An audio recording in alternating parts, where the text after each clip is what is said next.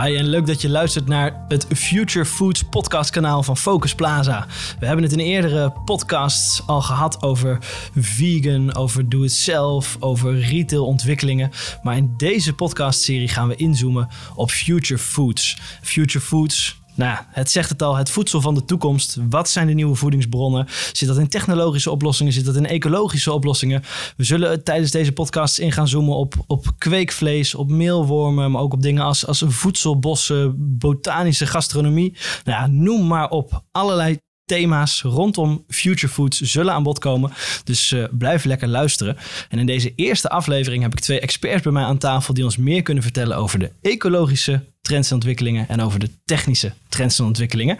Dit zijn, uh, nou ja, ik kan het best gewoon eventjes hen zelf laten voorstellen eigenlijk. Uh, Joris, Joris Lohman, wil je eens vertellen wie je bent en wat je doet? Ja, zeker. Um, mijn naam is Joris Lohman. Ik ben uh, oprichter van Food Hub. en wij zijn een bureau vijf jaar geleden gestart met als doelstelling om de verandering, de transitie in het voedselsysteem aan te jagen. En doen we vooral met opleiding en trainingsprogramma's. Dus voor mensen die werken in de, in de voedselwereld of daarin willen gaan werken. Dus ook met veel met studenten. Um, uh, en we zijn gevestigd op de Flevo Campus, een uh, onderzoeksinstituut voor uh, toekomstige voedselsystemen. en we werken veel met boeren samen, dus we proberen hen te helpen of ja, te laten ontwikkelen met nieuwe verdienmodellen, waarbij we mensen van buiten de agrarische sector laten meekijken op het boerenbedrijf. Kijk aan, een mooie samenvatting van wat jij doet en ongetwijfeld een waardevolle aanvulling in dit gesprek voor zometeen. Maar we hebben hier nog iemand zitten en dat is Koert van Mensvoort. Koert, vertel eens. Ja, inderdaad. Mijn naam is Koert van Mensvoort. Ik ben uh, kunstenaar, filosoof, technoloog. Een beetje tussen de werelden in. En uh, heel toekomstgericht. Ik ben oprichter en directeur van uh, Next Nature. En wij verkennen de natuur van de toekomst. daar hoort technologie ook bij. Omdat inmiddels is er zoveel technologie om ons heen, uh, dat dat de next nature wordt. Ja, en hoe gaan we daarin leven? Hoe gaan we zorgen dat die biologie en technologie in balans komen? En dat betekent natuurlijk ook een heleboel voor ons voedsel. Begrijpelijk, want uh, je noemt een, een, een, mooie brede cv, maar ook toch wel een, een, een mooie vraag, hoe, hoe dat eruit gaat zien. Heb je daar een kort antwoord op? Nou, ik denk als je het hebt over de toekomst, dan is het altijd heel verleidelijk om te denken: je hebt vandaag en dan de toekomst. Dat is dus helemaal verkeerd, heb ik geleerd. Want er zijn een heleboel toekomsten. Er zijn een heleboel dingen die zouden kunnen gebeuren. Uh, ja, in de richting uh, de toekomsten. En uh, ja, een deel van wat er kan gebeuren is gewoon fantasie. Dat, dat, die kans is heel klein. een deel is de kans wat groter, is mogelijk. En daarbinnen zit nog een kleiner spectrum van waarschijnlijke toekomsten. Ja, en wat wij doen met ons team is eigenlijk al die toekomsten verkennen en ze ook tastbaar maken. Zowel dromen als nachtmerries. En dan proberen we een beter gesprek te hebben over welke toekomst we eigenlijk willen. En dat vind ik ook heel belangrijk, omdat ieder mens op aarde nu te maken heeft met uh, technologische verandering. Wij allemaal. Hè, en dat merk je. Um, en tegelijkertijd heb ik het gevoel alsof we vaak ja, slaapwandelend die toekomst ingaan. We hobbelen een beetje van innovatie naar gadget naar gadget. En om nu al te zeggen van, hé, hey, wat komt er op ons af en what if? Uh, ja, dan komen we veel beter beslagen ten ijs. Ja, mooi. Voorbereiding op uh, wat er komen gaat. Ja. Hey, en Joris, heb jij al dingen waarvan je zegt van... oh, dit is iets om in de gaten te houden. Hier gebeuren echt gave dingen? Nou ja, uh, de wereld is natuurlijk altijd in verandering. Ik had net over transitie. Er wordt wel eens gezegd van ja, maar transitie is, is, is altijd. Um, uh, op dit moment heb ik wel, en dat kan je ook terugvinden in uh, bepaalde literatuur, um, zitten we in een fase dat er een heleboel dingen tegelijkertijd aan het veranderen zijn. Dus de energietransitie en de voedseltransitie is daar ook een groot voorbeeld van. Dat kan je zien aan boerenprotesten aan de ene kant, want het oude systeem loopt vast. En aan de andere kant zie je echt een explosie van allerlei nieuwe innovaties um, die alle kanten eigenlijk uh, opschieten. Dus een hele interessante tijd denk ik om bezig te zijn met de toekomst van uh, voedsel en landbouw. Um, en wat ik heel interessant vind als je nadenkt over toekomstperspectieven. Uh, ik, ik ben mezelf op een gegeven moment gaan vastbijten in dit thema. En ik was op zoek van, nou, oké, ik wil graag meebouwen aan het nieuwe voedselsysteem, de toekomst van het voedselsysteem. Um, en dan merk je eigenlijk dat er inderdaad verschillende visies zijn op die toekomst. Uh, er zijn natuurlijk nou, heel veel verschillende, spectrum noem jij het. Um, en, maar vaak in de politiek of in, in, in media zie je eigenlijk een soort van twee blokken ontstaan. Uh, en met name in de politiek, waar die ook tegenover elkaar gezet worden en waar dan vaak een debat tussen ontstaat. Dus het heeft over de toekomst van landbouw, van voedsel Tweede Kamer aan de ene kant zeggen een aantal partijen, we moeten ecologischer, het moet biologisch, natuur inclusief, we moeten misschien kleinschaliger gaan werken en bijvoorbeeld minder vlees. Of uh, dat is een beetje een soort van het natuur-ecologische perspectief. En aan de andere kant zijn nou, een aantal partijen en er zit ook weer bedrijfsleven bijvoorbeeld achter zeggen, nee, we moeten nog veel meer inzetten op innovatie, technologie. We gaan bijvoorbeeld met genetische modificatie of met andere technieken. Daarmee gaan we de problemen die nu leven in het voedselsysteem gaan we oplossen. Nou, en dat is eigenlijk een soort van dogmatische strijd geworden. En kijk, in de praktijk, en dat zullen veel mensen weten, loopt dat natuurlijk heel erg door elkaar heen. Maar op dat hoge niveau zijn, is dat wel echt vaak een clash in politiek. En, nou, en ik heb me daar eigenlijk een beetje in verdiept. En ik voel mezelf het meest uh, verbonden eigenlijk toch met dat ecologische perspectief. Hè, draagkracht van de aarde. En als ik kijk van nou, wat denk ik nou dat de, de, de gewenste toekomst zou zijn, zit ik toch veel meer aan die kant. Mhm. Eh, maar uiteindelijk denk ik dat het belangrijk is dat we die misschien schijnbare tegenstelling, dat we die weten te overbruggen. Want waar die twee met elkaar in contact komen, waar het clasht, daar zie je heel veel interessante uh, initiatieven in staan, die niet zozeer in het ene hok of in het andere hok uh, te plaatsen zijn. En dat vind ik een hele belangrijke uh, gesprek om te hebben. Um, en dat kan ook mensen die aan het ondernemen zijn, boeren, kan het handelingsperspectief geven om daaraan te gaan werken. Ja, ik zie jou heel erg uh, instemmend. Ja, we, we, zijn klaar. Ik ben het er helemaal mee eens. nee, maar goed, er valt inderdaad meer over te zeggen. Ik ben het helemaal mee eens dat er vaak veel te zwart-wit wordt gedacht. Hè? En uh, dat, juist, uh, dat juist in dat middengebied ook heel veel te vinden valt. Hè? Dus aan de ene kant die groep mensen die zegt... nee, we moeten terug naar de natuur mm. en we moeten het eigenlijk weer doen. Want dan, als ik dan vraag, wat is dat dan, natuurlijk boeren. Ja, dan is zoals mijn grootouders het deden. Dat is vaak het antwoord. Maar die hadden ook, uh, weet je, uh, landbouw is een uitvinding, is eigenlijk een techniek die 10.000 jaar geleden is ja. bedacht.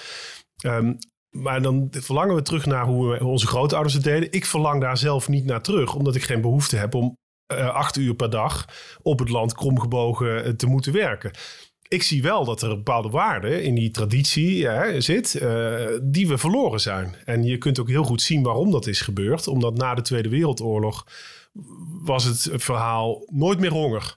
En toen kwamen de ingenieurs en die gingen het efficiënter doen en slimmer en effectiever en dan genoeg voedsel voor iedereen. Dus monoculturen, grote kwantiteit.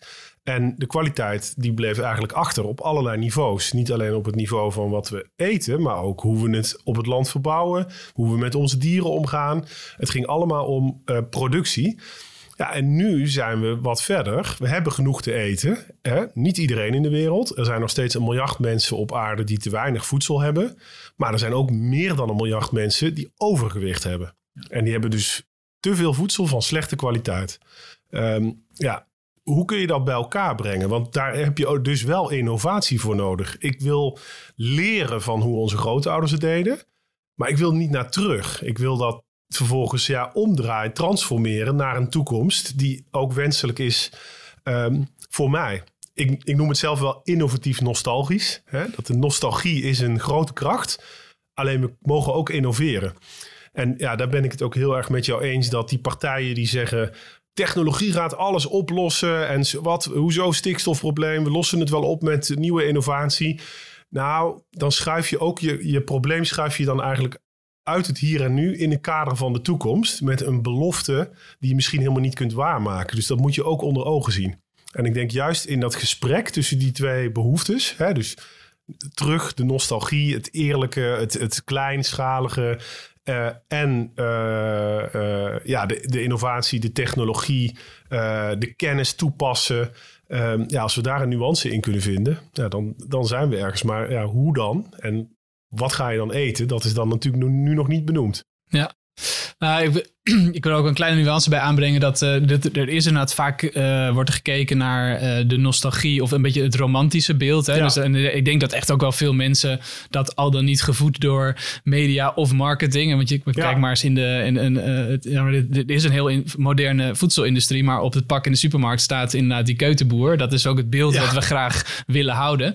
Um, en ik moet ook wel zeggen, zeg maar, de ontwikkelingen op het gebied van ecologische innovatie is ook niet allemaal terug naar vroeger natuurlijk. En dat weet je ook. Maar Hè, dus, dus er is natuurlijk een ontzettende beweging. en ik, ik, ik bestuurde, bestuurde landbouw veel, maar geweest in nou, nadenken van dat naoorlogs. Er moeten zoveel mogelijk kilo's persen uit een hectare naar hoe doen we dat veel meer in balans met het ecosysteem. En, dus je kan ook heel innovatief zijn op een ecologische. Dus niet zozeer dat het puur gaat over technologie die je inzet, maar ook met ecologisch denken.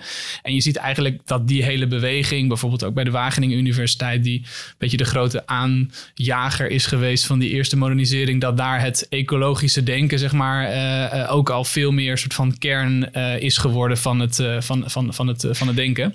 Dus ik denk dat nou, de, de meest interessante innovaties die je nu ziet, die zijn ook eigenlijk niet meer in een van die twee hokjes. Nee, die zitten al juist in de crossover. Hè? Dus dat is ook mooi om te zien. Ja, en, en, en, ja, en het, uiteindelijk is het wel zo. Ik ben zelf politicoloog. Uh, dus uh, uh, je ziet dat in de, in de praktijk. En als je met ondernemers praat, dat ze dit soort deze tweedeling, zeggen ze misschien dan niet zo heel veel. Of die zijn er zelfs van bewust. Die zeggen: ik ga juist op dat snijvlak zitten.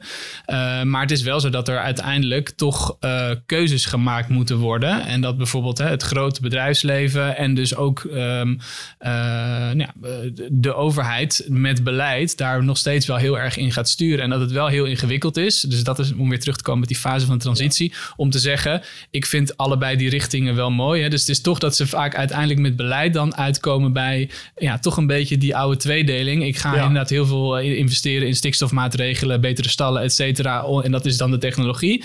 Of uh, ik ga proberen tot een soort van ecologische. Dus daar zit nog wel echt heel veel werk te doen. En het is misschien een beetje abstract misschien, maar wel op dat ja, paradigma niveau, dat soort van nieuwe verhaal. Hè? Jij schetste net eigenlijk het verhaal na de Tweede Wereldoorlog wilden we veel voedsel. En dat, daar, ja, daar kon grosso modo veel mensen konden daar wel wat mee. En nu zoeken we toch van het moet anders, het moet beter. Oké, daar zijn we het wel over eens. Maar hoe kunnen we een verhaal creëren dat uh, uh, niet een samenvoeging of samenmengsel is van een beetje ecologie, een beetje technologie, maar een soort van nieuw perspectief. Nou, en misschien als ik jou als toekomstdenker hoor praten, er is niet één verhaal natuurlijk, maar toch een, een soort van, ja, je hebt toch een politieke richting nodig. Ja, en dat missen we wel een beetje. Wat ik zelf zeg is uh, niet terug, maar vooruit naar de natuur. Ja, ja. dus, uh, want ja, de evolutie gaat ook door en in onze innovatie speelt daar ook een rol in. En ja, met wat wij allemaal nu kunnen en uh, ja, wat onze kennis vermag.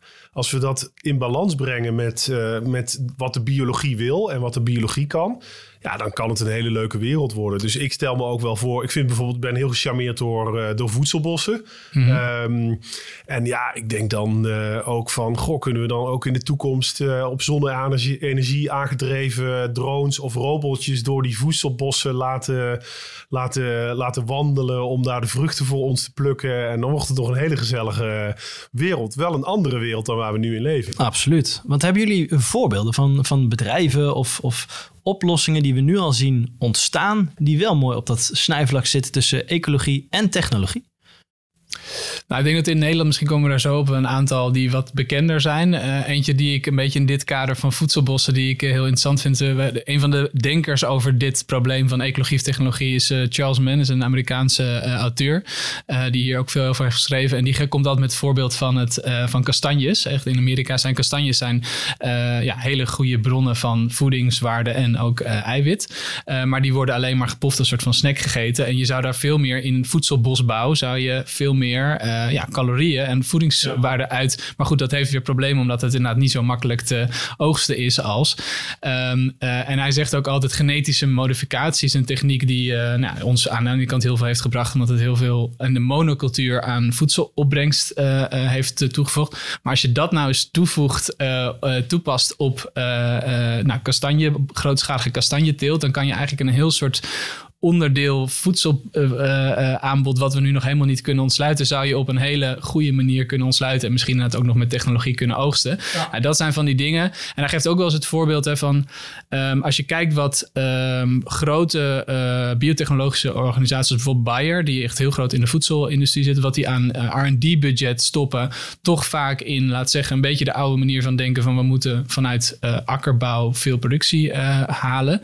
Als je nou een fractie 10% bewijs spreken van de miljarden die, je, die ze daarin zetten. Als je die nou zou toepassen op voedselbossen of op kastanjes of op dat soort, uh, laten we zeggen, meer de ecologische, uh, ik zou zeggen nostalgische of hobbyachtige projecten die het soms. Als je dat nou zou doen, dan zou je ook wel echt een heel andere resultaat daar gaan boeken. Dus ik vind dat wel echt een heel interessant gesprek om te, om, om te hebben. Ehm, nou, en als je kijkt in Nederland, er zijn natuurlijk bijvoorbeeld een aantal Kipster is een voorbeeld waarbij ik niet zou willen zeggen dat dat volledig hè, het voorbeeld is van, maar wel een, een organisatie, Kipser, die, die, die uh, maken naar eigen zeggen de meest uh, een, uh, energie, mens, milieu en uh, ja, maatschappij. Goede kip-eieren. Ja. Um, en ik vind hem wel een onderneming die zich heel erg, heel hoog technologisch en aan de andere kant heel erg vanuit de kringloopgedachte, dat is echt hoe ze het ook hebben opgezet. Dus hoe kunnen we zorgen dat die, dat, dat kippen worden gevoerd met reststroom, et cetera. Ja, wel een voorbeeld van een organisatie, van een bedrijf die zich niks aantrekt van die frames en gewoon zijn eigen ja, koers gaat op het snijvlak van ecologie en technologie. Ja, ik vind dit ook een mooi voorbeeld van uh, eigenlijk ecologische intelligentie. Hm. dat, je, dat, je, dat je niet uh, ja, heel plat denkt in van ik zet dit nu neer en dan komt dat eruit. Maar dat je meer ook eco, ecosystemen gaat, ja, niet eens ontwerpen, maar dat je daarin gaat werken. En uh, ja, dat, dat, hebben we ook, uh, dat hebben we ook nodig. Dat wel ecologisch, maar ook op een slimme manier. En die combinatie, uh, daar valt heel veel te winnen. Ik ben in die zin eigenlijk heel, heel optimistisch wat we nog kunnen bereiken. Alleen je moet even ja, op de juiste manieren naar kijken. Ja, precies. Maar nu noemen we Kipster. Kipster heeft nog echte kippen en echt vlees. Maar er ligt hier ook op tafel een, een kookboek voor kweekvlees. Ja, dat, jeetje, dat zie ik niet helemaal voor het eerst. Omdat, uh, ja, ik ben inderdaad de auteur van het allereerste kweekvlees kookboek ter wereld. Um, inmiddels weten veel mensen wel wat kweekvlees is. Dus ja, je gaat vlees kweken zonder dat je daar een dier voor hoeft te slachten. Je neemt alleen een paar cellen van dat dier en die ga je dan ja, laten groeien tot het vertrouwde stukje uh, vlees. Ik ben zelf in 2011 begonnen met onderzoek uh, over kweekvlees. Op dat moment verdubbelde het aantal mensen dat in de wereld aan kweekvlees werkte. Omdat wij gingen er met vijf mensen aan werken. En op aarde waren er toen tien mensen fulltime met kweekvlees bezig. Uh, inmiddels zijn er een aantal bedrijven die miljoenen investeringen hebben. Flink veel kapitaal zit daarin omdat de eerste hamburger is gepresenteerd, de eerste vleesnuggets zijn gepresenteerd en het moet nu naar de markt. En de vraag die ik heb gesteld is: oké, dit is een helemaal nieuwe technologie. Waarvan mensen ook denken: van wat is dit? Moet dit nou? En uh, wat raar, want het is altijd met nieuwe dingen. Um, maar nieuwe technologieën leiden ook tot nieuwe producten. En uiteindelijk misschien ook tot iets anders op je bord. Dus toen dacht ik, ik moet een kweekvlees kookboek maken. waarin ik verken de kweekvleesproducten die op je bord komen. Dus waar kun je dan aan denken? Nou, we hebben bijvoorbeeld uh, het gebreide vlees. Als het dan te moeilijk is om een hele biefstuk te 3D-printen uh, maar je kunt wel draden kweken. Ja, dan zou je gezellig weer in de keuken je eigen vleeslapje kunnen gaan uh, breien. Over nostalgie gesproken. ja, dat is dan ook innovatief nostalgisch. Hè? Um, of sommige mensen willen juist dat het er heel ja, eh, abstract uitziet. Want het, is, uh, het komt dan uit een abstracte setting. Ja, mijn eigen favoriete gerecht is, is een worstje van een varkentje. En dat, dat varkentje leeft op de kinderboerderij. Um, en dan nemen we een paar cellen van het varkentje. Daar maken we een worstje van. Je geeft je kind dat worstje. En de volgende dag kun je samen met je kind naar de kinderboerderij. En dan zeg je, kijk, daar is het varkentje waar jij het worstje van hebt gegeten. En het varkentje leeft. Want we hoeven dier niet meer te slachten om dat worstje te maken. Dus dat, dat laat ook zien dat zo'n nieuwe technologie... die kan ook onze relatie tot dieren um, veranderen. En daar zijn we nu nog niet. Maar ja, dat is wel een belofte die we moeten verkennen, vind ik.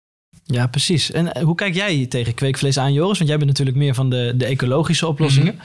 Dat is dit ja, nou ja, kijk, dat is, dat is, kijk, we hadden het net over nostalgie of terug naar vroeger. En daar zit inderdaad ook, kijk, het grootste verschil tussen de ecologen en de technologen is um, volgens mij de relatie tot hoe ze zichzelf plaatsen ten opzichte van de natuur. De technologen denken eigenlijk van, nou, ik kan me daar buiten stellen uh, en ik kan daarmee doen wat ik wil. Dus voor je spreiden, et cetera. Ja, ja uh, ik, niet hoor, maar je hebt wel gelijk dat technologen dus, dat vaak denken. Precies, even dus de zwart-wit beeld. Hè? En, en als ik denk je van, ja, ik ben onderdeel van dat, van dat ecosysteem. En daar zit dus ook vaak vaak een soort van uh, ja, terughoudendheid om echt in te grijpen in, uh, in natuurlijke systemen.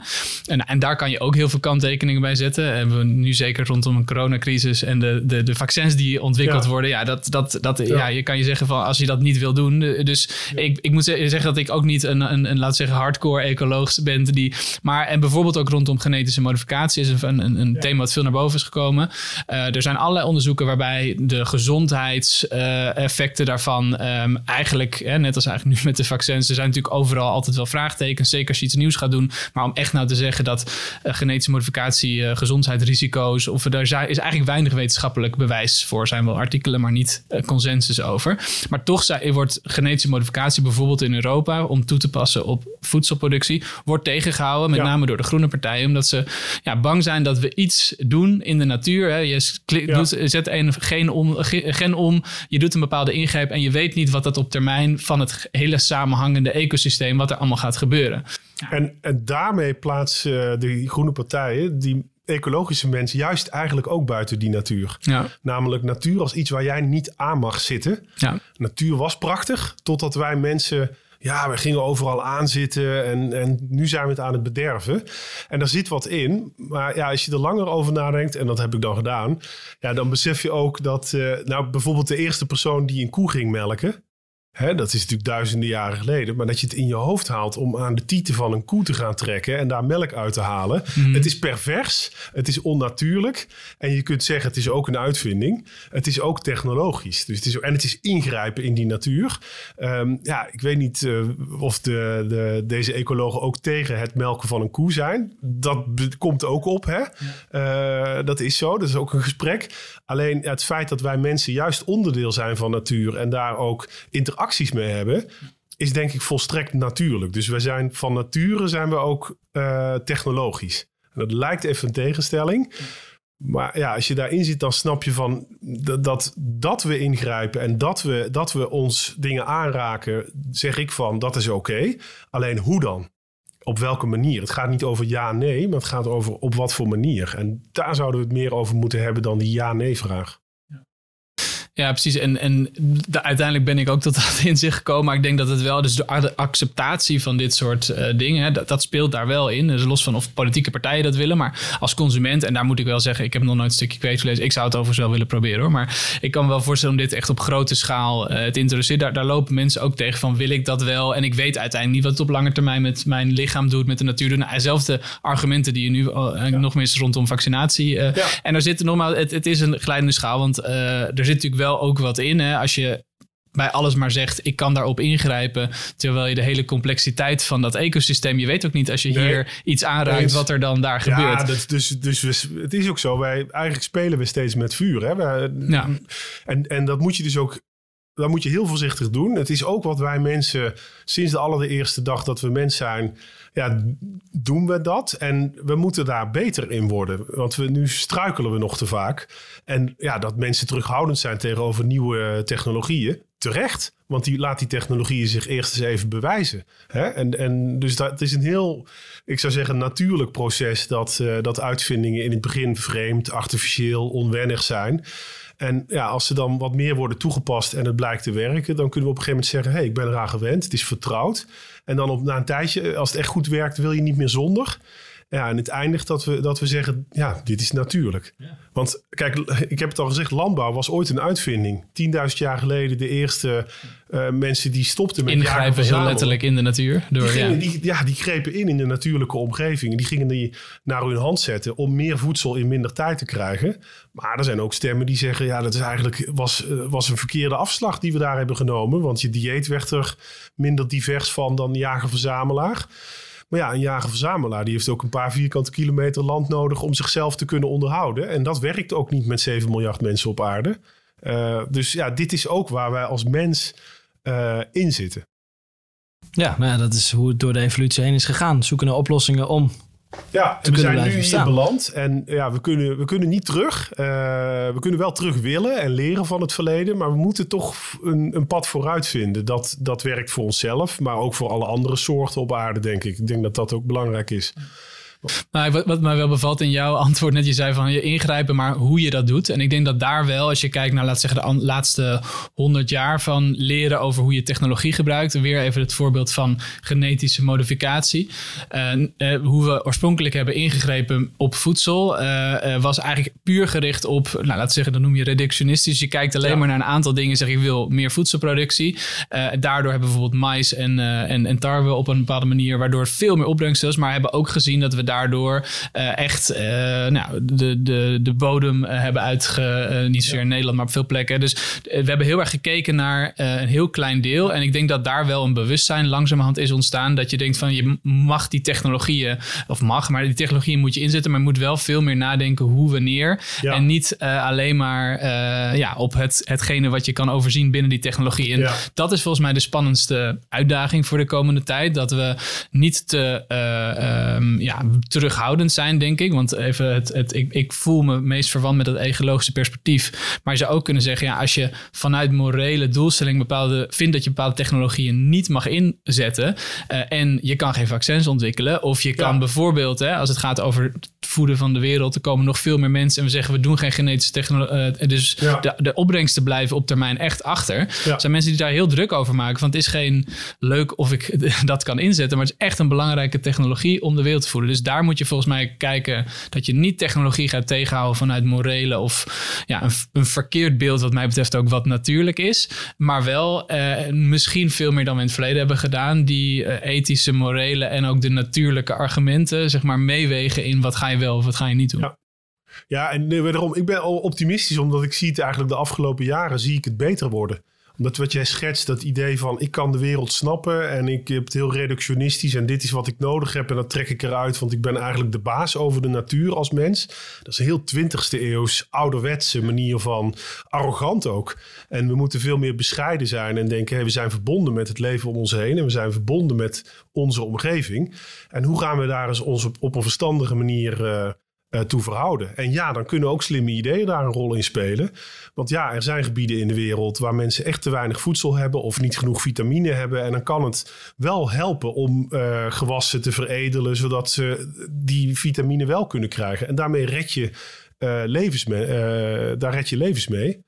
Um, dus er staat, wel wat, uh, er staat wel wat op het spel, ja. En, en ja, dan, dan vind ik het niet, uh, niet oké om dan uh, lekker in Nederland in je, in je stedelijke gebied met voldoende voedsel en voldoende supermarkten in de omgeving een beetje ja, zo de luxe morele positie in te nemen van natuur, daar moeten we van afblijven. Ja, nou, dat, dat, uh, dan zou ik zeggen, get out there.